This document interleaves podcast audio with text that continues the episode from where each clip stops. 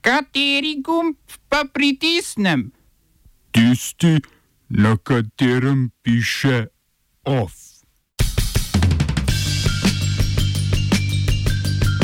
Mississippi ukinja konfederacijsko zastavo. Vladni predlog interventnega zakona za pripravo na drugi val epidemije. Sindikat vojakov Slovenije toži neznanega storilca zaradi sramotenja Republike Slovenije.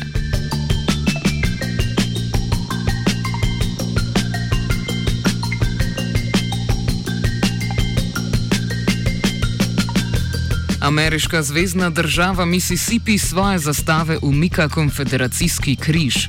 Odločitev sta sprejela oba domova Zvezdnega kongresa, ki ju oba obvladuje prepričljiva republikanska večina, predlog nove zastave pa bo pripravila devetčlanska komisija.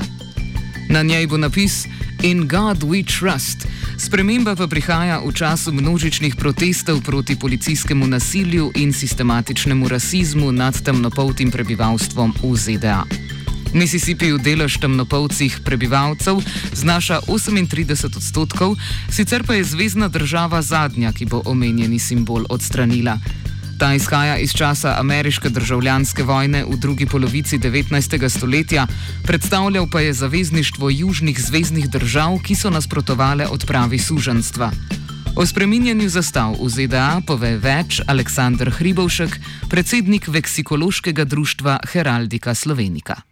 ZDA je pa malo drugačno. Zdaj oni sicer uh, v zgodovini zadnjih 200 let oziroma več uh, so že nekajkrat dodelili svojo zastavo. Ne. Mi niti ne opazimo, ampak zadnja sprememba je bila narejena v 60-ih letih prejšnjega stoletja, to pomeni nedavno nazaj, 50 let nazaj, ampak gre zgolj za število zvezdic, ki so jih a, modificirali v zgornji levi del zastave, ki mu rečemo tudi kanton.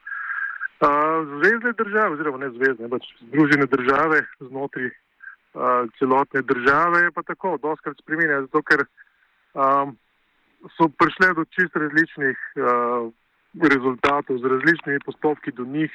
Uh, večinoma teh zastav, uh, večina teh zastav ni dobrih, se tudi sami zavedajo, ker so imeli en star princip, ko so dali kar pečat na sredino enobarne zastave in so se zadovoljili s tem. Nekatere države ni nujno, da so sploh to uzakonile kot njihovo zastavo in to se potem pri njih počasi uh, spreminja, dajo načeloma um, doskrat uh, to v roke ljudstva, ni pa nujno. No? Torej, zdaj v primeru Mississippi bomo videli, da do tega zna biti zanimiv proces, no? ker mislim, da se do novembra morajo odločiti, kater predlog bi šel na glasovanje in o tem bo glasoval zgolj zbor in senat in to je to. Mislim, da ne bojo kaj veliko sprašvali. Na predsedniških volitvah na Islandiji je z več kot 90 odstotkov glasov slavil dosedanji predsednik Gudni Johannesson, ki je premagal edinega protikandidata in tako pridobil drugi štiriletni mandat. Vloga predsednika je predvsem simbolična, čeprav ima ta možnost uložitve predloga za referendum in ima pravico veta na posamezne zakone. Johannesson je nekdani profesor zgodovine na Islandski univerzi, predsednik pa je postal leta 2016. Podporo med prebivalstvom je močno povečal v obdobju pogajanj za sestavo koalicije istega leta, ko nobena od predvolilnih koalicij ni pridobila večine.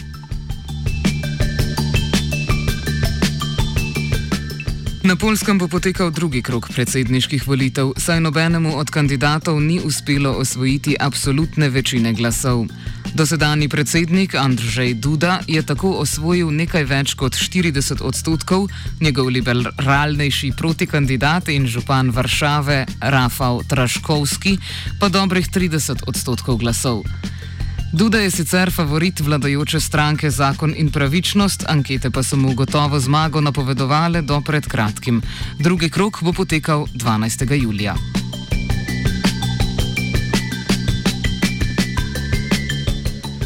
V Franciji je čez vikend potekal drugi krok lokalnih volitev, potem ko so bile te marca prestavljene zaradi epidemije bolezni COVID-19.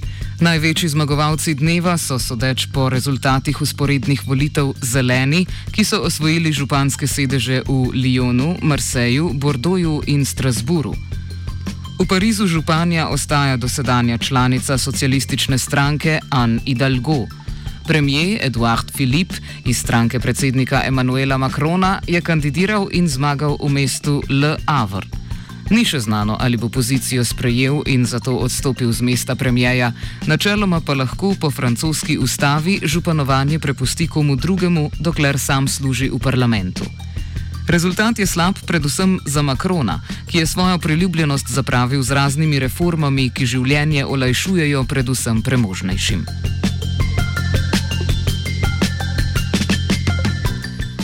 V Malaviju je prisegel novi predsednik Lazarus Čakvera, ki je zmagal na volitvah prejšnji teden. Te so potekale kot ponovitev tistih iz leta 2019, ki jih je ustavno sodišče razglasilo za neveljavne.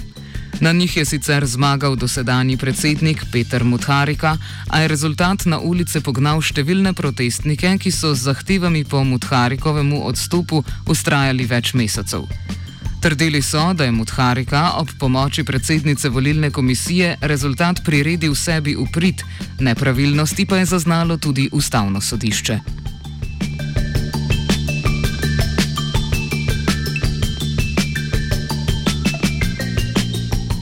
V francoski Gvajani so zaradi slabega vremena znova preložili izstrelitev rakete Vega, ki bi v vesolje ponesla tudi dva slovenska satelita. Manjši od dveh, trisat, bi omogočal zaznavanje oljnih madežev ali plastike na gladini oceanov ter spremljanje požarov in onesnaženosti višjih plasti ozračja z vulkanskim pepelom. Večji, Nemo HD, prav tako namenjen snemanju in fotografiranju površja, pa bi omogočal tudi upravljanje v realnem času. Izstrelitev rakete je bila sprva načrtovana že septembra lani, a je bila iz razno raznih razlogov večkrat prestavljena. Več o tem v offsajdu ob 17. Oba, če, če bom odgovoril na angliški. Uh, uh, Slovenija bo poskušala pomagati. Slovenija bo naredila naš utmost, da bo rekla, da je situacija naš problem, sami. In da bomo naredili nadaljnje korake, as soon as the conditions are. Bomo vlado Marjana Cererja, Marjana Cererja Šarca podprli. Zelo, zelo resno. Slovenija. Vemo, kako in bomo.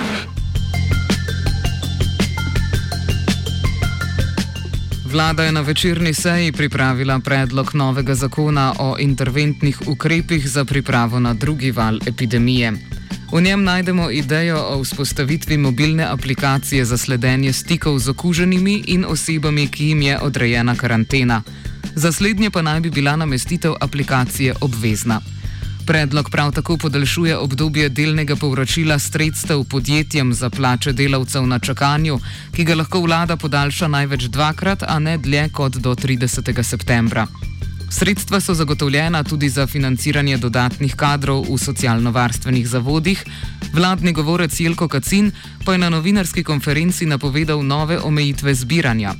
Po novem naj bi bilo zbiranje znova omejeno na največ 50 oseb, kar pa naj ne bi veljalo za organizirane dogodke. V nasprotju s protesti na Thompsonovem koncertu, po mnenju vlade, očitno pač ni moč stakniti virusa.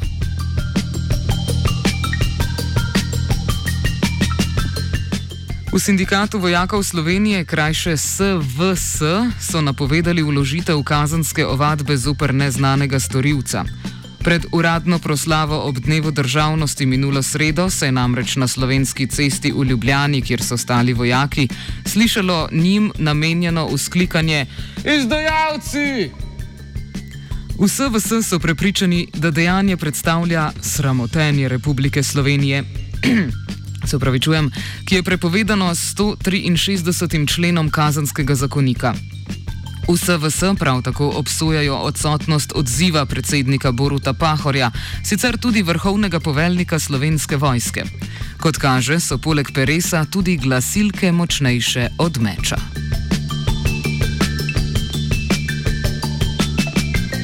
OF je pripravil Svetina.